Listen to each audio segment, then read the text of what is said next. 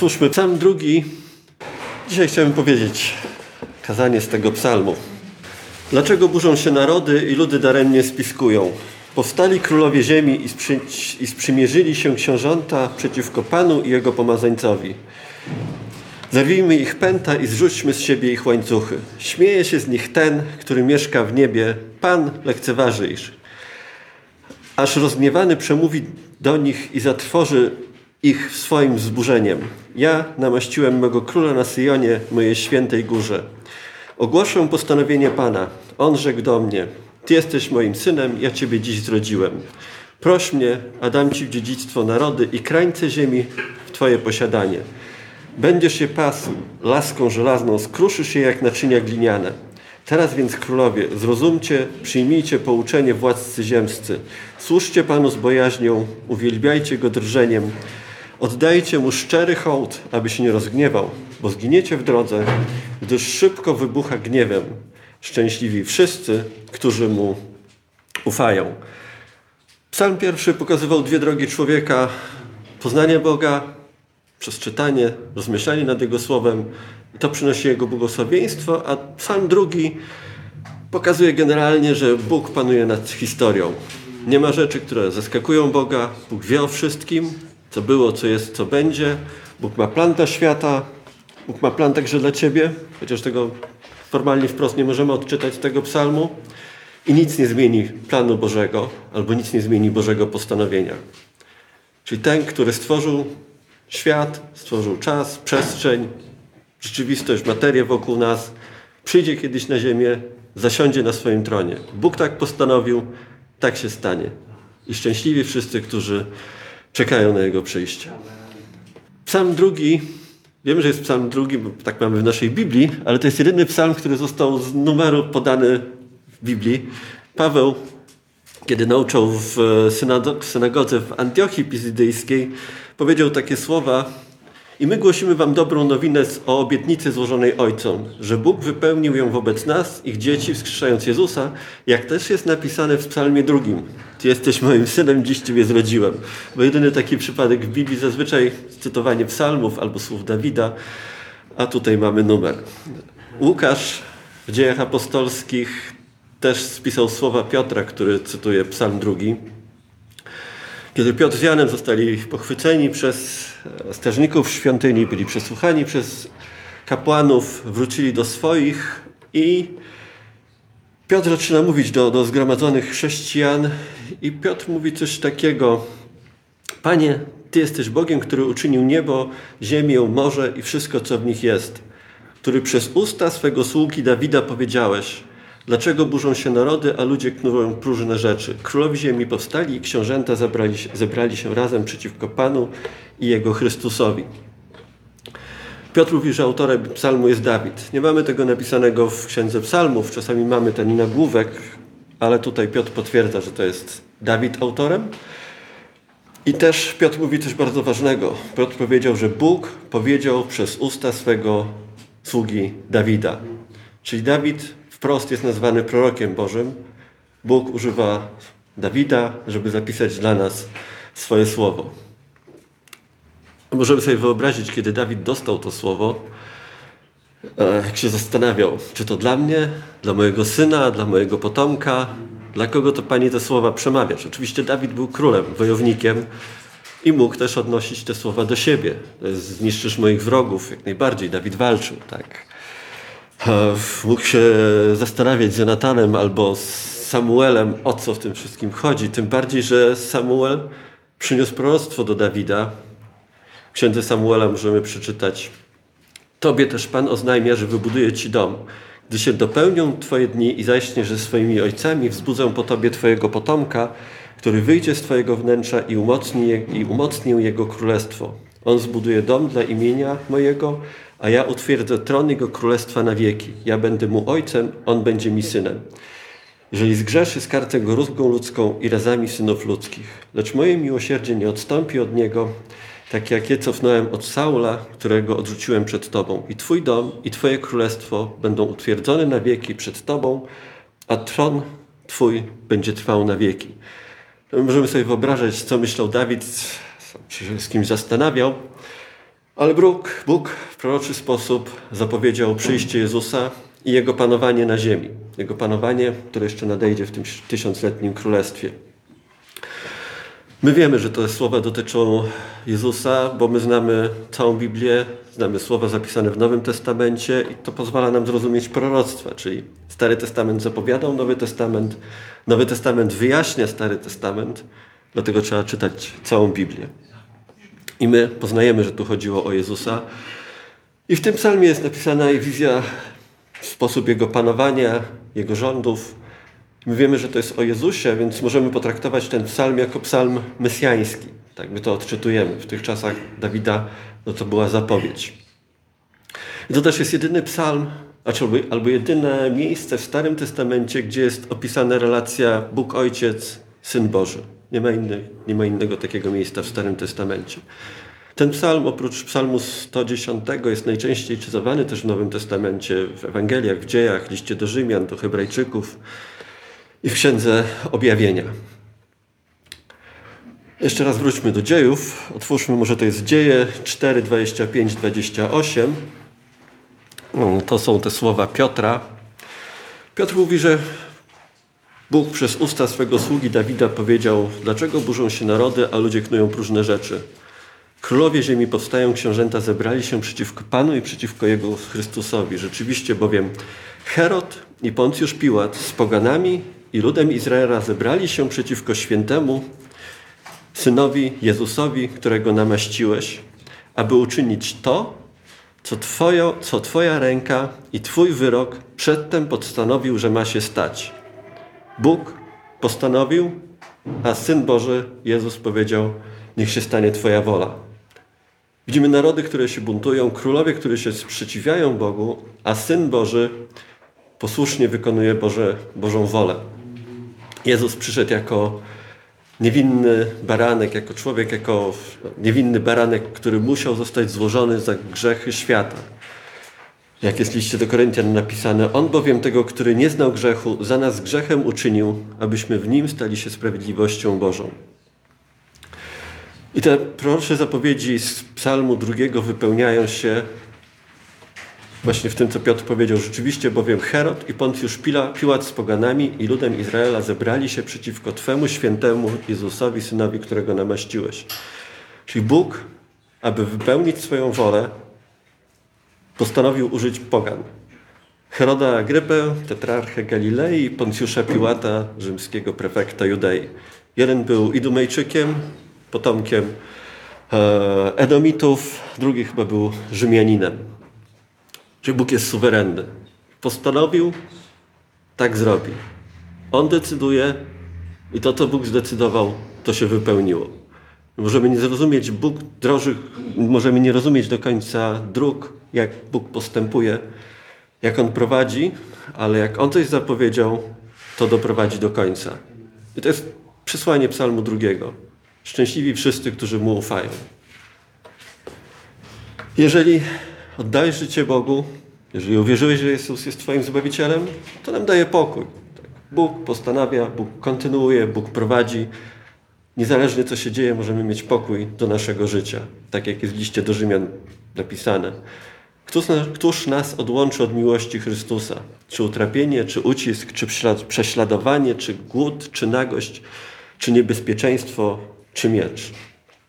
My mamy tą pewność, Uwierzyliśmy Jezusowi, który umarł za nasze grzechy i wiemy, że nic ani nikt nie oddzieli nas od Boga. Wiemy, że jak Bóg coś postanowił, Bóg coś mówi, Bóg tak wypełni. Ale jeżeli nie, jeżeli tego nie zrobiłeś, to nie stawaj na drodze Boga. Jeszcze jest czas, że można się pojednać z Bogiem. Możesz mieć ten pokój. A jak nie, to Bóg może użyć dowolnych ludzi, nawet pogan do zrealizowania swojego celów. Nawet Jezus powiedział, kiedy wszyscy wołali błogosławiony król, który przychodzi w imieniu Pana, faryzeusze mówili ucisz tych ludzi, zgroń grom swoich uczniów. A Jezus powiedział, jeżeli oni będą myśleć, nad kamienie będą wołać. Bóg jest suwerenny, Bóg co postanowił, co robi, to robi i Bóg używa tego, czego chce, aby wypełnić swoją wolę. I to, że jest, Bóg jest Panem, możemy też przeczytać w księdze Daniela w drugim rozdziale. Mm, Daniel powiedział, 2,20. Daniel powiedział: Niech będzie błogosławione imię Boga na wieki wieków, bo mądrość i moc należą do Niego. On zmienia czasy i okresy, usuwa królów, ustanawia królów, daje mądrość mądrym, a wiedzę rozumnym. On objawia rzeczy głębokie i ukryte. Wie, co jest w ciemności, a światłość z nim mieszka.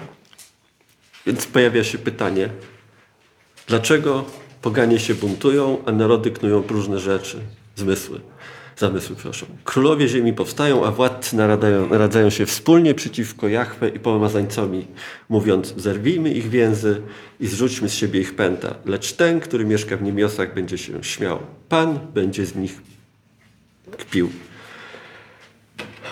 Psalm zaczyna się dziwnie, bo zaczyna się pytaniem, dlaczego burzą się narody. Bóg często używa pytań, nie dlatego, że nie wie, że szuka odpowiedzi u człowieka. Bóg zna odpowiedź, Bóg zna wszystko, wie wszystko. Ale pytania zadaje po to raczej, żebyśmy my się zastanowili nad własnym postępowaniem. W tym przypadku królowie, te narody mają się zastanowić, dlaczego to zrobili. Znaczy oni mają, albo my mamy, jeżeli pytania Bóg nam daje, przypatrzyć się sobie albo wyciągnąć jakieś wnioski z naszego postępowania. I takie pytania postawę buntu, która jest odpowiedzią na Boże pytanie, to już możemy zauważyć w postępowaniu Kaina. Kaina zaś i jego ofiary Bóg nie przyjął. Kain rozgniewał się bardzo z tego powodu i posmutniał. Wówczas Pan zapytał się Kaina, dlaczego jesteś zagniewany i dlaczego tak posmutniałeś? Wszak gdybyś postępował właściwie, czyż wszystko nie byłoby w porządku? Ponieważ jednak tak nie postępujesz, u progu czyha grzesz, grzech. Chciałby Tobą zawładnąć, lecz Ty masz nad nim panować. Bóg przez całą Biblię wypowiada te słowa Bądź mi posłuszny, postępuj zgodnie z moimi przekazaniami, a będziesz błogosławiony. Ale przez całe słowo widzimy, jak ludzie się buntują, czy poganie, czy Izraelici. Nawet do chrześcijan w Nowym Testamencie w listach znajdujemy wiele napomnień. No i ludzie mają własne pomysły na życie. Odrzucają Boga, Bożą sprawiedliwość, w tej chwili możemy powiedzieć etykę albo moralność Bożą, Boży ład. To prowadzi do tego, że ludzie nie chcą Boga, Boga nie ma, człowiek rządzi. Człowiek decyduje, jak, jakie jest prawo, co jest dobre, co jest złe. Nie ma uniwersalnych wartości, człowiek jest Panem. Ale wiem, że Jezus jest tym, który wszystko stworzył, tak jak jest w liście do Kolosan napisane, gdyż w nim zostało stworzone wszystko w niebiosach, na ziemi, widzialne, niewidzialne, czy trony, czy panowania, czy przywództwo, czy wszystko, wszystko przez Niego i dla Niego jest stworzone. Ale ludzie odrzucają Jezusa, odrzucają Boga, Jego Syna. Bóg ma swój plan. Bóg ma swój plan i doprowadzi do, do końca. Bóg śmieje się z tych, którzy wydaje, którym się wydaje, że mogą się Jemu przeciwstawić. To pytanie, dlaczego buntują się narody, a, a dlaczego poganie się buntują, a narody knują próżne zamysły, to jest raczej takie pytanie, co wy robicie? Pytanie od Boga do, do ludzi. Co wy robicie? No pamiętajcie się, przyszłość jest postanowiona, ja zaplanowałem, ja to wypełnię, mówi Bóg.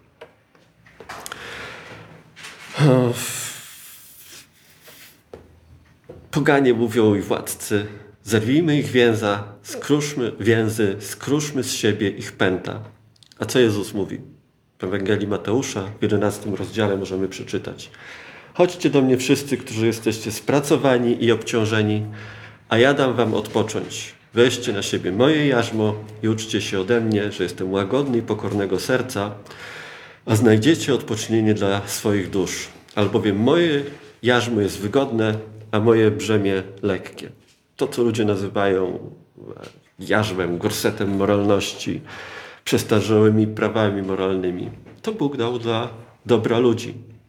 W księdze Ozeasza Bóg mówi nawet takie słowa. Ciągnął do, do, do Izraelitów. Ciągnąłem ich powrozami ludzkimi, więzami miłości. Byłem dla nich jak ci, którzy zdejmują jarzmo z ich szczęk i podawałem ich pokarm. Ludzie często zadają pytania, dlaczego Bóg do tego dopuścił, dlaczego Hitler zamordował tyle ludzi, albo Stalin, albo Pol Pot, albo dlaczego to się stało. na te pytania w zasadzie odpowiada swoim podpytaniem. Dlaczego się buntujecie? Gdyby ludzie byli posłuszni Bogu, posłuszni Jego prawom, Jego nakazom moralnym, tych rzeczy by nie było. W większości by się nie wydarzyły. Ale ludzie szukają swojej własnej woli, swojego własnego wywyższenia, swojej chwały. I, I to jest odpowiedź, dlaczego wiele z tych strasznych rzeczy było na ziemi. I ten psalm jest też ostrzeżeniem przed Bożym gniewem. I Bóg wielokrotnie ostrzega ludzi. Znamy historię Jonasza, kiedy w końcu poszedł do Niniwy. Jonasz wstał i zgodnie ze słowem Pana poszedł do Niniwy i głosił: Jeszcze 40 dni i Niniwa będzie zburzona. I mieszkańcy Niniwi uwierzyli Bogu, ogłosili post od największego do najmniejszego, przywdziali włosienicę. Król Niniwy wstał ze swojego tronu, zdjął z siebie szatę, obłożył się, okrył się włosienicą i usiadł w popiele. I rzeczywiście, i Bóg rzeczywiście dostrzegł ich zmianę. Zauważył, że odwrócili się od złego. Odwrócili się od złego, Niniwa nie była zniszczona, ale w Biblii też czytamy, że Niniwa, albo mieszkańcy Niniwi, znowu zbuntowali się przeciwko Bogu.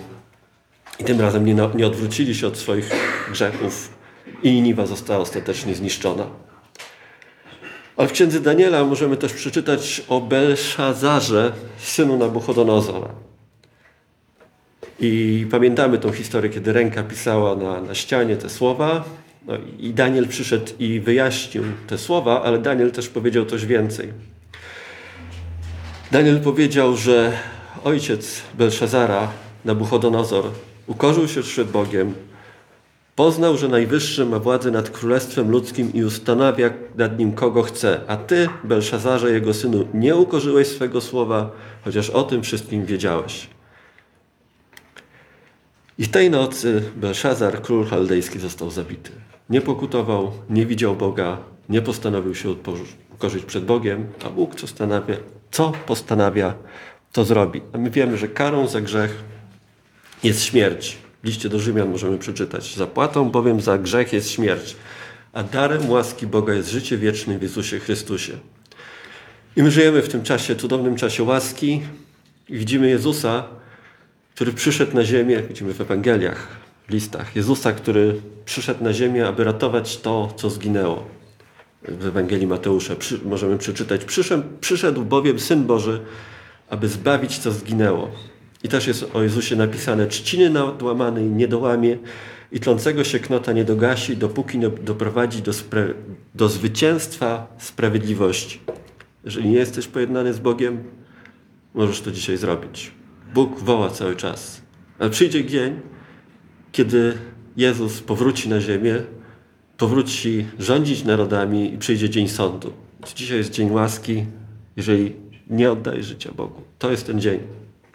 W Ewangelii Jana możemy przeczytać, kto wierzy w Niego nie będzie sądzony, kto nie wierzy jest już osądzony, dlatego że nie uwierzył w imię jednorodzonego Syna Bożego.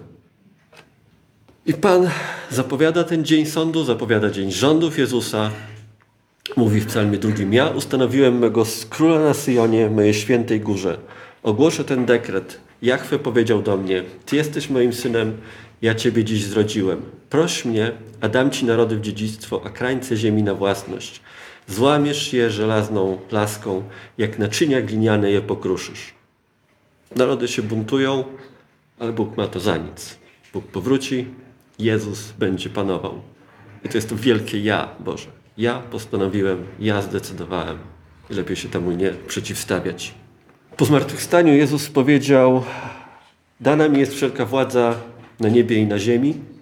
On jest władcą, prawowitym władcą. I wypełnią się te obietnice. Wiemy, w tym psalmie i w Starym Testamencie jest bardzo dużo obietnic dotyczących powrotu Jezusa, panowania Jezusa, władania nad ziemią i one są zbyt dosłowne i zbyt konkretne, żebyśmy mogli to alegoryzować. Wiemy, że były też zapowiedzi dane patriarchom, dane Izraelowi dotyczące ziemi, które nigdy się nie wypełniły. No ale Bóg, jeżeli coś mówi, to wypełni, więc też to musi być, to musi należeć do Izraela, więc widzimy z jednej strony Jezusa, który przyszedł jako sługa ciele człowieka, Bóg w ciele człowieka, jak możemy w liście do Filipian przeczytać. Lecz On ogołocił samego siebie, przyjmując postać sługi i stając się podobny do ludzi.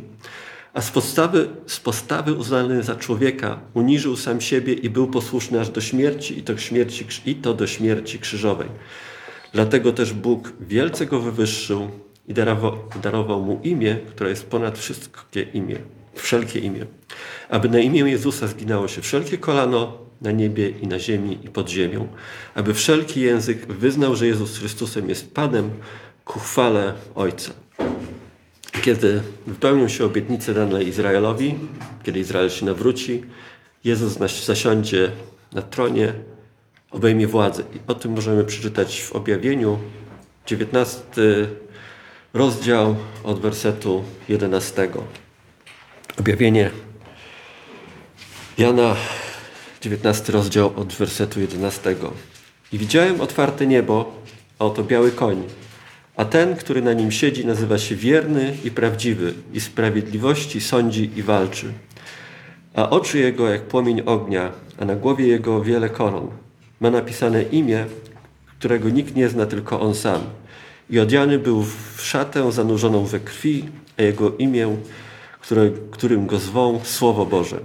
A wojska za nim podążały, a wojska w niebie podążały za nim na białych koniach, obleczone w cienki len, biały i czysty.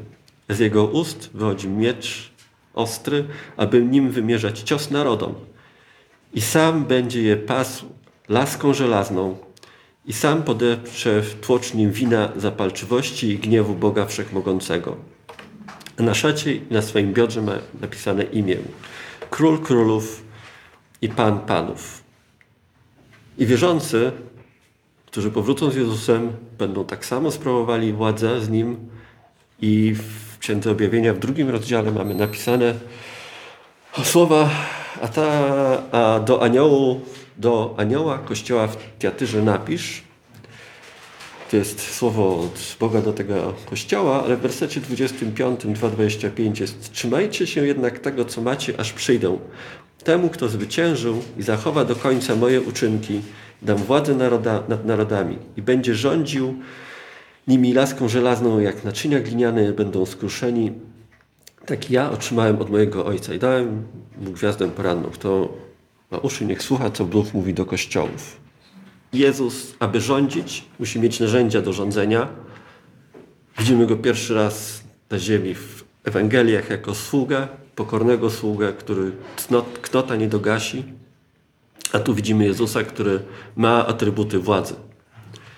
I albo ktoś się ugnie przed nim, albo dozna kary Bożej. Będzie potłuczony jak naczynie gliniane. Czyli ta laska będzie służyła do wymuszenia posłuszeństwa.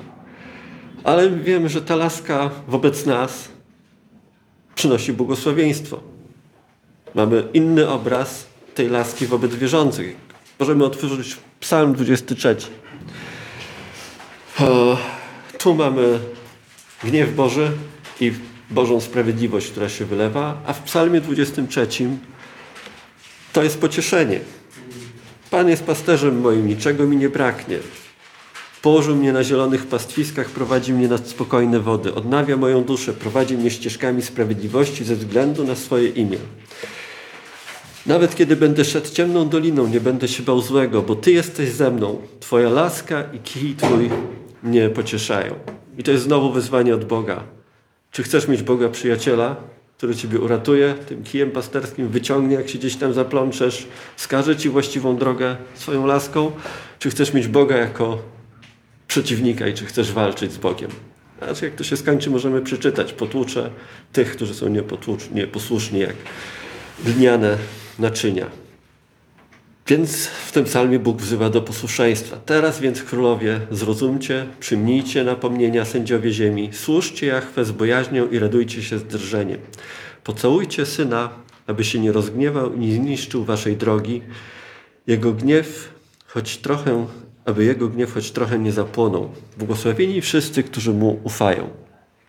No pocałujcie Syna to jest obraz oddawania czci władcy Kiedy Samuel namaścił Dawida na króla, pocałował go. Wtedy Samuel wziął flakonik oliwy i wylał na głowę Dawida, pocałował go i powiedział: Czyż Pan nie namaścił cię nad wodzem nad swoim dziedzictwem? Ale to też jest symbol, w Biblii możemy znaleźć taki negatywny przypadek, kiedy bożkom się oddawało cześć i całowało bożki. Księdze Królewskiej, 19 rozdziale, e, Bóg mówi do Eliasza: Ja jednak zachowałem sobie w Izraelu 7 tysięcy, których kolana nie zgięły się przed balem i których usta go nie całowały. To jest taki obraz, którego no nieczęsto widzimy, to raczej na filmach, tam przed królami, czy tam nie wiem, przed kimś się całuje, albo przed jakimś naczelnym mafiozo pomniejszy rzezimieszek go całuje w rękę, żeby pokazać, że też jest mu oddany. Ale to, to jest obraz absolutnej władzy Jezusa, przed którą tak trzeba się będzie ukorzyć. A psalm się kończy błogosławieństwem dla tych, którzy ufają Bogu. Błogosławieni wszyscy, którzy Mu ufają. Bóg mówi, ja jestem Panem. Narody się buntują, królowie powstają, ale ja używam ich buntu nawet do własnego celu. Tak. Pogan użył do tego, żeby wydali wyrok na Jezusa. Ale błogosławieni ci, którzy Mu ufają. To Jezus mówił takie słowa, czy nie sprzedaje się pięciu rubli za dwa pieniążki, a jednak żaden z nich nie jest zapomniany w oczach Boga? Nawet włos z waszej głowy, nawet włos z waszej głowy nie spadnie, czy nie, wszystkich włosy są policzone. Dlatego nie bójcie się, jesteś, jesteście cenniejsi niż wiele wróbli. My zaufaliśmy Bogu. My możemy Mu ufać. Cokolwiek będzie w historii, Bóg wie, co będzie. Ale my możemy Mu zaufać. I w jakimś sensie to właśnie błogosławieni wszyscy, którzy Mu ufają, to jest odpowiedź na pierwsze słowa tego psalmu. Dlaczego poganie się buntują, a narody knują próżne zamysły? Dlaczego się buntujecie? Dlaczego nie przyjdziecie do mnie i mi nie zaufacie? Będziecie błogosławieni, jeżeli to zrobicie. Amen.